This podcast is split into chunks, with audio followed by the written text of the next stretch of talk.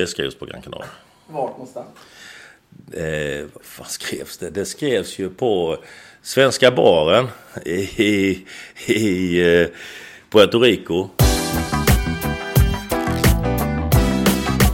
Då så, då hälsar vi er välkomna till Kalmar FF-podden. Och den lyssnar du på podden, Jörgen? Ja, det gör jag. Det gör jag. Tror du det här är, att det här är bra? Självklart är det bra. Är all, allt som skapar intresse runt klubben är jättebra. Jörgen Pettersson som är eh, ny sportchef i Kalmar FF, eller hur? Ja, stämmer. Sen några dagar egentligen, men det kanske har varit lite längre tid i själva arbetet. Fick lite att bita i redan från början. Ja, det, det kan man väl säga. Det har ju varit en, en väldigt, väldigt stor eh, förändring liksom i, både i ledarstab och i personal och i, i spelartrupp. Så visst har det varit det. Men om vi backar bandet lite. Du kom till Kalmar FF 2017, eller hur? Ja, stämmer. Som? Assisterande tränare till Peter Svärd. Hur var känslan att komma till Kalmar FF då? Ja, alltså, jo, känslan var jättebra när, när jag väl tog beslutet att komma hit. Det tog ju lite tid. Eh, dels hade jag inte jobbat ihop med Peter innan och dels eh, visste jag ju om att han hade, gick in på sitt sista år som, som, eh, som huvudtränare med att optionsåret hade kvar också. Vilket gjorde det, tycker jag, lite känsligt att komma in. Och, för man vet aldrig vad som händer och jag brukar inte vara så kortsiktig i mina, mina tränargärningar. Men känslan när jag väl kom hit eh, var bra. Kändes bra tycker jag. Och starten var, var också bra. Sen, eh, ja, sen hände det en massa saker under, under våren där med skador och dålig poängutdelning. Och allt sämre spel ska man välja säga också. Och så blev det ett break där på när, när Peter fick gå. Hur, hur, känner du att föreningen behandlade dig i den, i den processen någonstans? Ja, det alltså jag funderar inte så mycket på det sättet får jag nog säga. Jag, jag, jag brukar säga så här, jag är inte för att, eh, att sparka tränare. Jag har däremot förståelse för den aktion som gjordes och Peter fick lämna. Däremot processen fram till den tycker jag var eh, skit, rent ut sagt. Eh, jag tycker man ska hantera personal och de man jobbar ihop med på ett eh, bra sätt hela tiden. Ha en ärlig och reko kommunikation och sen så händer det saker ibland och ibland får man skiljas. Men Eh, vägen fram ska vara bättre än vad den var. Min bild av när det var som mest turbulent här i, i föreningen så var det många oberoende källor som, som lyfte upp dig som ja men Jörgen, han är jävligt bra. Jörgen, ja men Jörgen vet du, Jörgen har en plan. Eh, någonstans så, man brukar säga att eh, drakar lyfter i motvind. Eh, du har ju verkligen klivit fram i, i, den, här, i den här processen och eh, varit en liten, eh, ja, men en liten joker någonstans. Eh, när, när bestämde du dig för, för, att ta ansvar som du har gjort nu? Ja, jag hoppas jag har tagit ansvar hela tiden för de roller jag har haft. Eh, och jag jag har sagt jag, jag är värdelös om jag ska komma in och bara förvalta någonting av sig som tränare eller i ett jobb eller vad det nu är för ett vanligt jobb eller vad det nu är för någonting. Men däremot få en uppgift kommer jag alltid försöka utföra den så bra som möjligt. Och det försökte jag göra även när jag skiftade ifrån assisterande till, till eh, ja, när Peter fick lämna så, så valde jag också att lämna och eh, tog över i U19 då. Redan där, och sen första dagen, så försöker jag sätta en prägel på det och jobba så hårt jag kan för att det ska bli så bra som möjligt. Alternativet till det är att bara gå till jobbet det finns inte för mig. Då tycker jag man ska strunta i det istället. Då kan man göra någonting annat. Och det är väl samma sak här när väl beslutet tas att man ska ta en uppgift och då får man gå in fullt för det. Annars kan det lika gärna vara. Men är det inte, är det inte ganska stora kontraster från att gå från att vara liksom assisterande eller vara tränare till att agera sportchef? Jo, alltså så är det. Men det är kanske lite enklare när man gör det i samma klubb som man är i. För då har man ändå någonstans en hygglig kunskap om det som har skett och sker hela tiden om man kan spelarna ganska hyfsat. Så det gör det lite enklare givetvis. Men visst är det så. Men å andra sidan så är det så hade jobbet varit likadant varje dag då hade jag tröttnat rätt snabbt. Och om, om folk, om, om elaka tungor skulle säga att, att du är en nödlösning på en, på en prekär situation, vad skulle du säga då? Ja, att de har säkert rätt. Och det stör mig inte ett skit. Nej, för, alltså för mig så handlar det om, nu är jag här. Eh, jag sa till, till andra personer som inte är i den här föreningen då som eh, frågade om man skulle skifta jobb för det var så pass turbulent som det var här. Eh, och då sa jag att det, det, som händer när man är i en klubb det är ju att man ganska snabbt binder band med andra människor. Och där man känner att man jobbar jäkligt tajt ihop, man jobbar så bra man kan för att få ut någonting av något. Och då blir det ju också så att man känner ansvar för dem och ihop med dem. Och, och, på gott och ont, ibland blir ju det till en nackdel för själv och ibland så blir det bra. Men i detta läget så tycker jag att det var självklart att försöka hjälpa till och ta ansvar i det läget som blev. Sen får vi se vad det mynnar ut i till slut och hur bra det blir. Som sportchef blir man en ganska jagad person och i synnerhet den här delen av året när det är lite silly season och sådär. Hur känner du att dialogen med, med media är nu för tillfället? Nej, den är bra. Jag, jag har inga problem med det. Jag, jag har ett jobb, de har ett annat. Eh, så länge vi håller det på det liksom, så är det helt okej. Okay, liksom. Ibland tycker jag att... Eh, jag kan tycka att ibland att, att kraven på att man alltid ska vara tillgänglig eh, blir konstig ibland. För man kan inte vara tillgänglig hela tiden. Utan ibland så är det ju faktiskt andra uppdrag som är viktiga för stunden. Än att svara i telefon eh, från media eller från vad som helst. För mig kommer alltid spelarna vara viktigast. Eh, och ledarna runt truppen. De går alltid först. Annars, annars eh, ska jag vara, då är jag fel person annars. Så därför får det ibland vänta. Men jag tror ingen kan säga att jag inte hör av mig eller ringer upp eller svarar så småningom. Men kanske inte på ett klockslag som de har bestämt. Det är ju svårt för dig att berätta vilka liksom, processer som är igång och tänka på liksom, vilka krokar som är ute för att kunna attrahera spelare. Men jag har två frågor där. Den ena är varför kan du inte göra det? Alltså varför kan vi inte prata mer om vilka spelare som är aktuella för Kalmar FF och vilka som är på gång och på väg ut? Nej, jag, jag, tror att eh, de föreningar som kan, kan eh, liksom hålla eh, information och namn så tajt och internt som möjligt. Skapa en arbetsro i den processen som gör att man väldigt snabbt kan komma till ett avslut. Och är det så att man har begränsad ekonomi så är tidsaspekten ännu viktigare. Och sen vet ju jag då liksom att får man inte ut information så spekuleras det en hel del. Men då spekuleras det utan fakta och då, då kan det vara ganska lugnt i det läget. Problematiken blir däremot om man har information och sprider den som spekulation. Då är det inte bra. Och det kan straffa direkt. Det kan straffa att man går miste om affärer där man är på väg att sälja spelare. Men det kan också gå miste om att få in spelare för att det sprids alldeles för snabbt. Och då är vi, då är vi körda, så är det. Det är också en respekt för ibland väljer spelare kanske mellan två eller tre olika alternativ. Och då måste man ha respekt för att den spelaren kanske ska höra av sig till den andra klubben. För det hade jag velat. Eh, så det är en respekt både mot spelare, mot andra klubbar, mot deras rådgivare. Jag tycker man ska försöka bete sig så vettigt som möjligt. Och informationen som kommer fram ska vara rätt information. Inte bara snabb information. Det har vi för mycket sånt ändå. Följdfrågan då på den är ju, hur står sig Kalmar FF som, som, som lag nu när man ändå vet om de ekonomiska, den ekonomiska situationen och eh, de, de, de sportsliga förutsättningarna så att säga? Vad, hur går snacket? Ja, det, det, är bra tycker jag när man pratar med spelare. Nu är det ju så att inriktningen på spelare blir ju också från början där man vet att man kan träffa rätt. Det är klart att vi inte går på en spelare som vi vet är, har en lönebild som kanske är tre gånger så hög som vi tror på att vi kan klara av. Utan vi, vi kan liksom hitta rätt till spelare som kan få möjlighet att se att de här förväntningarna har vi på dig. Här finns det en plats för dig. Det är ett spel som passar dig. Det är en utvecklingskurva i din karriär som kan vara jättebra. Eh, för det är många saker som spelar in på val. Det, det, är, det är otroligt lätt att sitta framför en dator och vara Fifa Manager och flytta ut en och in en och sen säger man men honom kan vi plocka. Det. Han är en billig spelare. och han sitter med tre år kvar bara på ett i en annan klubb. Liksom. Men det där har man ju väldigt dålig koll på. Det är väl en del av fotbollsintresse att alla kan hålla på med det. Men det är inte riktigt så enkelt sen man väl ska hantera det i verkligheten. Jag hörde att du har gjort om eh, omklädningsrummet på eh, GFA. Ja, det är riktigt. Va, va, ja, varför gjorde du det? Ja, alltså jag, jag är av den... Jag tror att allting påverkar din prestation. Ja, allt hur, hur, du mår och vilka du umgås med, vilket humör. Alltså allt det där påverkar vad du ska göra på plan till slut. Och jag tror exempelvis att eh, Ibland måste man göra justeringar, förändringar. Det har sett likadant ut i omklädningsrummet de här åren som har varit, om man ska vara, de har inte varit så jävla bra, rent ut sagt. 17, 18, det har ju varit tuffa år. Och att bara gå in liksom på ruta ett, så börjar börja om samma år likadant hela tiden. Ibland behöver man få något nytt för ögat och ja, lite nya sittplatser kanske och och överhuvudtaget fräscha upp allting har vi gjort också då. Så jag tror att det kan vara välbehövligt ibland att ruska om lite. Igår så hade ni ju er första träning på, på, på gasten och ehm, eh, en öppen sådan. Och eh, det var ju eh, ja, men runt 200 pers som slöt upp då. och Det var ju en, ja, men en fantastisk stämning. Eh, vad, vad sa spelarna eh, efter gårdagens träning? Ja, det var, ju, det var ju... Jag tror många blev väldigt överraskade faktiskt. Jag tror inte någon hade räknat med. Piotr frågade, är det alltid så här?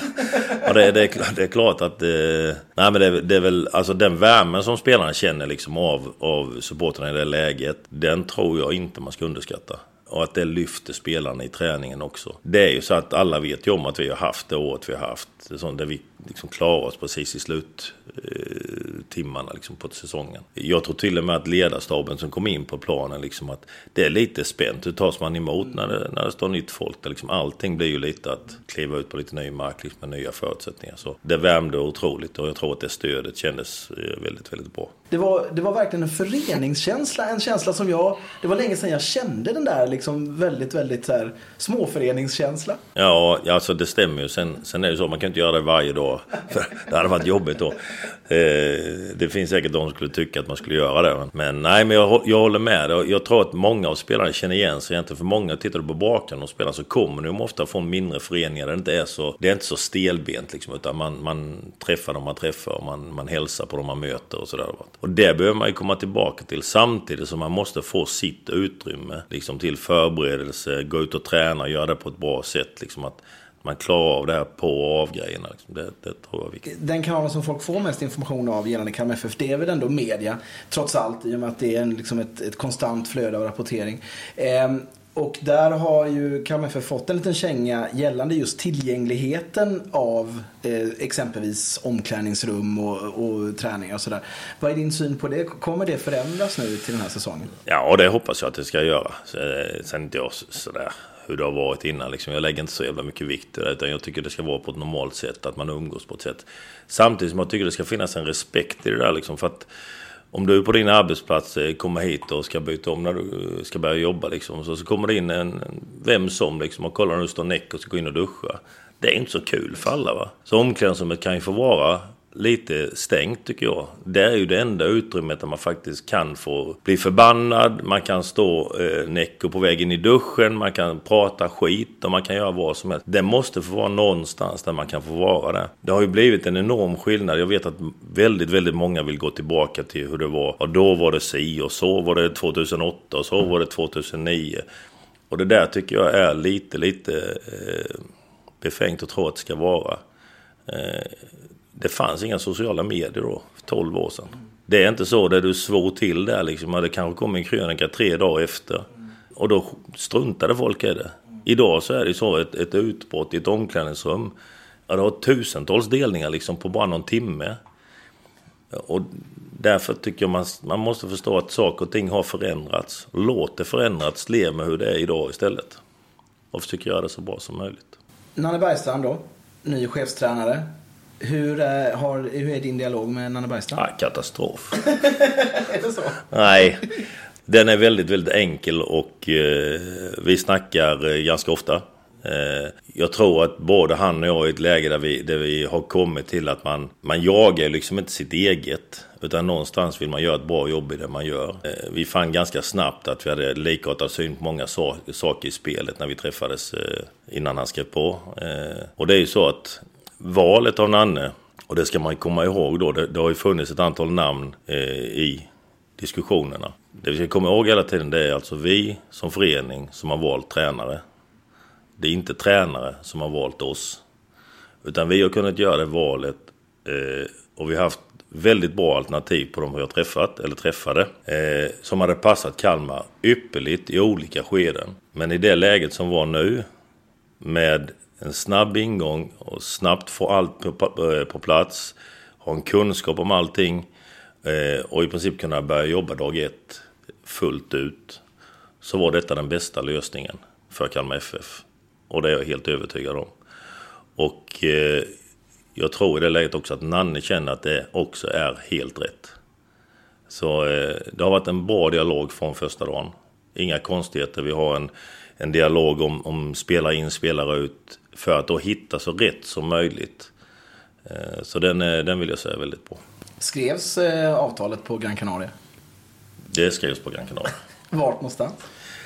Eh, vad skrevs det? Det skrevs ju på Svenska baren i, i, i eh, Puerto Rico.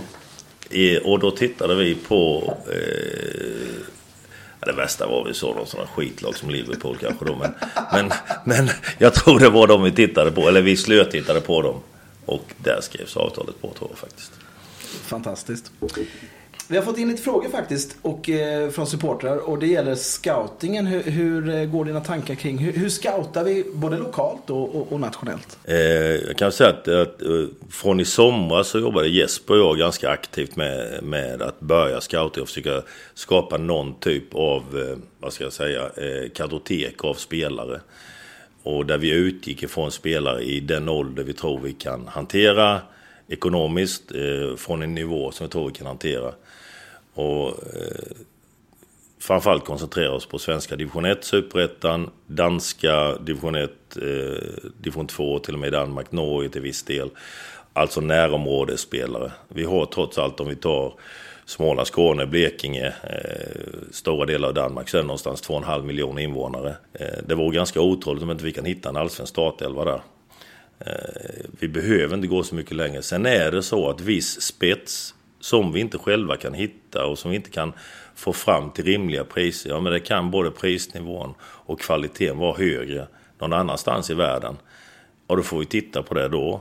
Men då är det liksom en sekundär lösning. För jag tror att närheten hit socialt gör det enklare att jobba med spelarna över tid. Men nya spelare som i alla fall är klara och som gjorde sin första träning igår och sin andra träning idag. Det är ju Sebastian Ring och, och, och Tobias Andersson. Vad har du att säga om de två spelarna? Spelar i väldigt bra ålder tycker jag. Eh, Tobias är född 93 och eh, Sebastian är född 94 när vi tittar på, liksom, på vad ska vi ha in för spelare så är det givetvis så att det ska vara spelare som passar in i eh, de positioner som behövs. För man ska ju veta att vi har alltså plockat bort jag tror det är 14 spelare ute i truppen hittills. När de 14 inte förlängs eller försvinner härifrån så blir ju resterande spelare med kontrakt kanske runt 20. Och den balansen blir ju, den kan ju inte bli bra.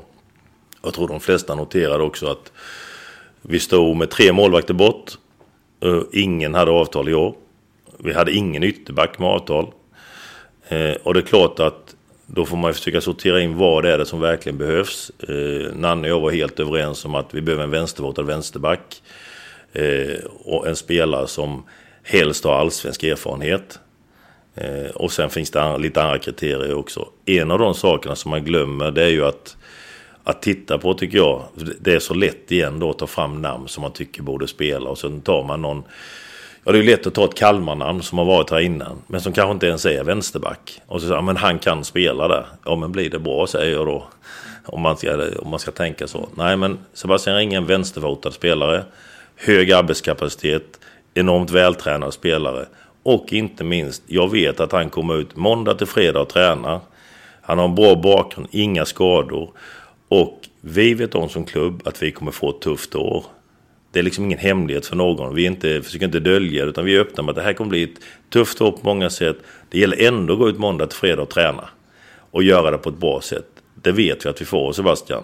Vi vet att vi får det Tobbe Andersson. Och när det gäller målvakterna så är det ju så att går vi från tre till två målvakter så ökar ju belastningen då en 33 procent på de två.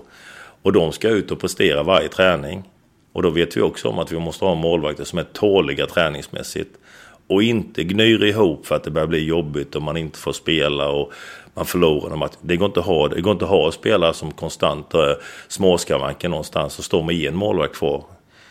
Eh, för det är också så att tittar vi underifrån så har vi Pontus Svar i U19. Det är hans första U19-säsong. Att tro att han skulle klara en dubbelbelastning på U19 och träna med A för att vi ska vara tre. Det tycker jag är rätt så tufft eh, att ställa som krav på, på, den, på den målvakten. Shidi Vakali dök inte upp igår. Hur eh, ser den situationen ut med Shidi? Ja, den ser ut precis så att han är ju inte här och då är det svårt att hantera det vidare. Det, det, är ju så här att om vi går tillbaka lite grann under året som varit så har han ju haft ett eh, katastrofår får man ju säga om man i fotbollstermer men, eh, menat eh, med, med sjukdomar och inte tränat och aldrig spelat i princip. Och det måste man ha en känsla för. Den dagen man tappar empati för folk då ska man inte hålla på och jobba med människor. Och det har jag en känsla för för honom också. Att den har varit jäkligt tuff. Men därifrån till att inte komma till sin arbetsplats eh, när man är en högavlönad fotbollsspelare. Det finns de som har det mycket, mycket värre i samhället än vad han har. Eh, det är inte acceptabelt. Han ska vara på plats när träningen börjar.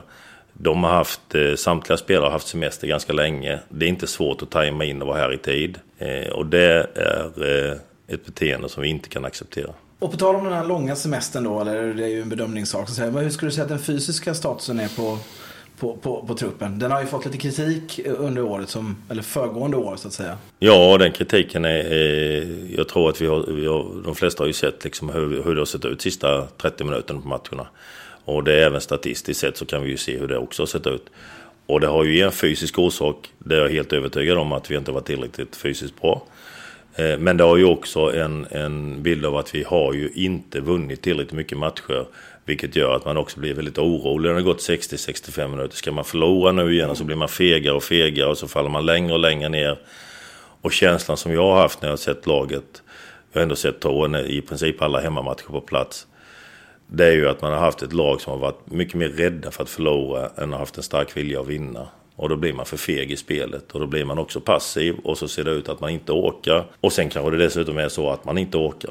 Så det är klart, det är ju ingen bra kombination. Ja, men det var ju ungefär en, eh, 200 man som stod där i, i omklädningsrummet igår. Och levererade du en, en, en god nyhet då till alla som snaskade på eh, Karl Holst eh, kanelbullar där. eh, och det är ju att, att Rasmus Elm eh, är med oss ytterligare en vända. Eh, kan du förtydliga lite vad, vad, vad, innebär det att Rasmus är med? Fast liksom, det var tre pass i veckan vad du pratade om. Vad, hur, har den, hur har den dialogen gått med Rasmus? Ja, Rasmus och jag har haft en dialog egentligen sen, eh, ja, för det första under de här sista veckorna när jag var med i, i eh, med A-ledningen då. Men i princip från det vi slutade så har vi haft en kontinuerlig dialog. Eh, egentligen för att gå på känsla lite grann hur, hur det känns överhuvudtaget. Pratat rätt mycket fotboll, pratat trupp och ja, allt möjligt i det som rör Kalmar FF. Eh, allt eftersom vi har pratat så har det vuxit fram någonting som jag tycker att vi ska försöka börja jobba med. Det är att hur tar vi hand om spelare som vi tror kan generera mer saker i föreningen över tid. När man har slutat spela. Hur, hur, det är som Stefan Larsson som blev tränare exempelvis. Det var en jättebra väg för honom. Eh, Rasmus ser kanske själv inte riktigt i den rollen men vill gärna vara ett stöd på vägen eh, för andra spelare. Eh, och han har ju en enorm erfarenhet Eh, från olika miljöer dessutom. Eh, och jag tror inte Rasmus riktigt inser hur andra spelare ser honom. Eh, och den status han har hos andra spelare och vad han kan hjälpa till med att lära ut. Och hjälpa till med, med både yngre spelare och äldre faktiskt. Och då har vi kommit fram till det att ja, men han vill vara tränad nog för att vara tillgänglig för spel. Så kan man säga. Och de träningar som han inte tränar då för att hålla den fräschheten eh, så kommer han och hjälper till i, tränarstaben. Jag tror, det här vet jag att eh, Rasmus och jag pratade om redan förra året egentligen. Att det är bättre att få 12, 15, 17 matcher av Rasmus fräsch än att få 23 matcher. Jag, eh, liksom, och där han kanske inte är fräsch mer än 7-8. Och det, jag tycker det var jättekul att han spelade många matcher i år. Men han kanske hade varit ännu bättre om han hade spelat färre. För det är så att eh, jag, jag, tror fortfarande att Rasmus är allsvenskans bästa mittfältare. Eh, de kanske 12 matcherna han spelar då. Eh, så jag ser honom mer som ett stöd för laget att kunna spela och han har också en kvalitet som kan spela lite olika positioner. Har vi råd med honom? Menar du då ekonomiskt eller att ha den typen av roll? Mer ekonomiskt? Ja, eh, det beror ju på vem du frågar tror jag. Eh, jag säger att eh, vi har inte råd att inte ha råd. Antingen tror man på att den här föreningen ska bli bättre. Eller så kan man ju börja gräva hålet och begrava sig. Liksom. Det, han kommer ju tillföra väldigt mycket. Och jag hoppas vi hittar en lösning på allt det där. Han är ju rätt skön Rasmus så måste jag säga. För han han kom också upp, vi har ju diskuterat hur kan ett avtal se ut för det blir någon typ av kombinerat avtal, spelare, ledare. Eh, och då säger han ju liksom att men jag, jag vet, jag ser ju hur mycket ni har att göra, jag ser hur tufft det är. Jag är medveten om liksom att det är hundra andra saker som är viktiga och det finns knappt några människor. Strunta i mig, liksom, jag ska ju ingen annanstans utan vi tar det när det finns tid. Och det är klart att det är blivit skönt i den rollen jag har då att ja, jag, jag vet vad jag har honom. Det är ju inte så att han sticker till Nordsjälland imorgon. Liksom. Det, det händer ju inte. Utan han kommer ju vara här. Ska han spela kommer han att spela här. Det är jag helt övertygad om. Eh, så vi, vi ska säkert hitta en lösning på det. En annan trotjänare som också dök upp igår eh, till folks stora glädje var ju Emin då ju. Hur ser det ut för han? Emin hade ju en väldigt, väldigt bra avslutning på, på eh, förra året. Eh, och blev ju väldigt viktig i de matcherna. Eh, Emin har ju ingen förlängning på avtalet idag. Eh, men vi står ju också utan ytterback till höger. Och tittar vi på det här med lojalitet och klubbkänsla så har ju han och även några till som inte har fått förlängt enormt mycket av det. Eh, och vi får se vad som händer där men, men Emil jobbar på och eh, han fightas ju som varje träning är den sista, det såg man ju igår också. Han, han kom efter och klagade för han tycker varenda år så, han, så har jag fått möta Filip Sakpekidis på träningar i toppform direkt i januari. Nu sätter ni mig mot Fröling, vad är det frågan om? så, så, han har ju fått springa en del. Nej, han, eh, han har ju en... Han, det kan man väl säga, han och flera andra, de skulle göra vad som helst för att den här klubben skulle må bättre och vara bättre. Så de, de ger enormt mycket av sig själva till klubben. Och jag tycker ibland, ibland får spelarna kritik och ibland så är det säkert rätt. Eh, men lojaliteten hos spelarna, eh, den ska man absolut inte förakta för den är enormt hög. Lasse Hansson skrev i en krönika igår att eh, det, det, det var så trevligt och det är väldigt mycket som det pratas om att det är trevligt. Och det är det ju just nu också på ett sätt. Samtidigt som vi alla förstår att det blir ett tufft år rent sportsligt. Men vad, vad, har du att säga om de resurserna som finns förutom spelarna? Det som ändå finns eh, liksom internt i ledarstaben och som finns i organisationen. Räcker det? Ja, alltså de som, personer som, som är kvar, det är fantastiskt bra människor. Och de, alltså jag, jag kan säga, jag vet ingen som inte gör sitt bästa för Kalmar FF varje dag de går till jobbet, för det gör de. Oavsett om de är avlönade eller inte. Vi har ju massor av ideellt folk som gör kanonjobb liksom för klubben. Men sen är det ju att vi är ju för lite folk egentligen för att kunna driva en allsvensk verksamhet just nu. Eh, det hoppas jag att de flesta är medvetna om och tror man är. Men sen finns ju inte idag ekonomin för det.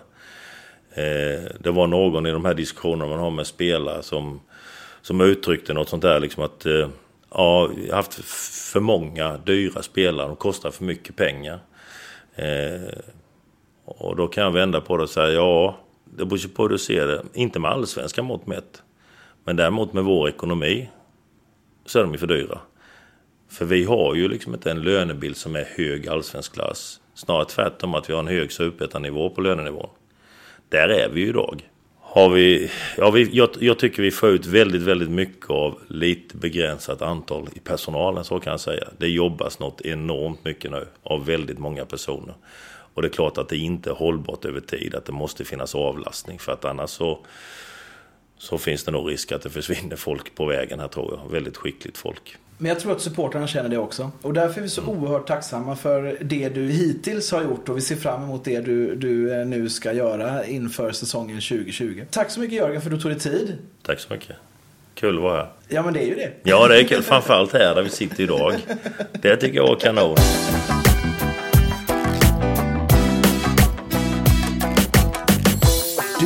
Lyssnat på Kalmar FF-podden avsnitt 5 och eh, poddtåget det tuffar vidare. Nästa gång tänkte jag slå mig ner med Rasmus Elm.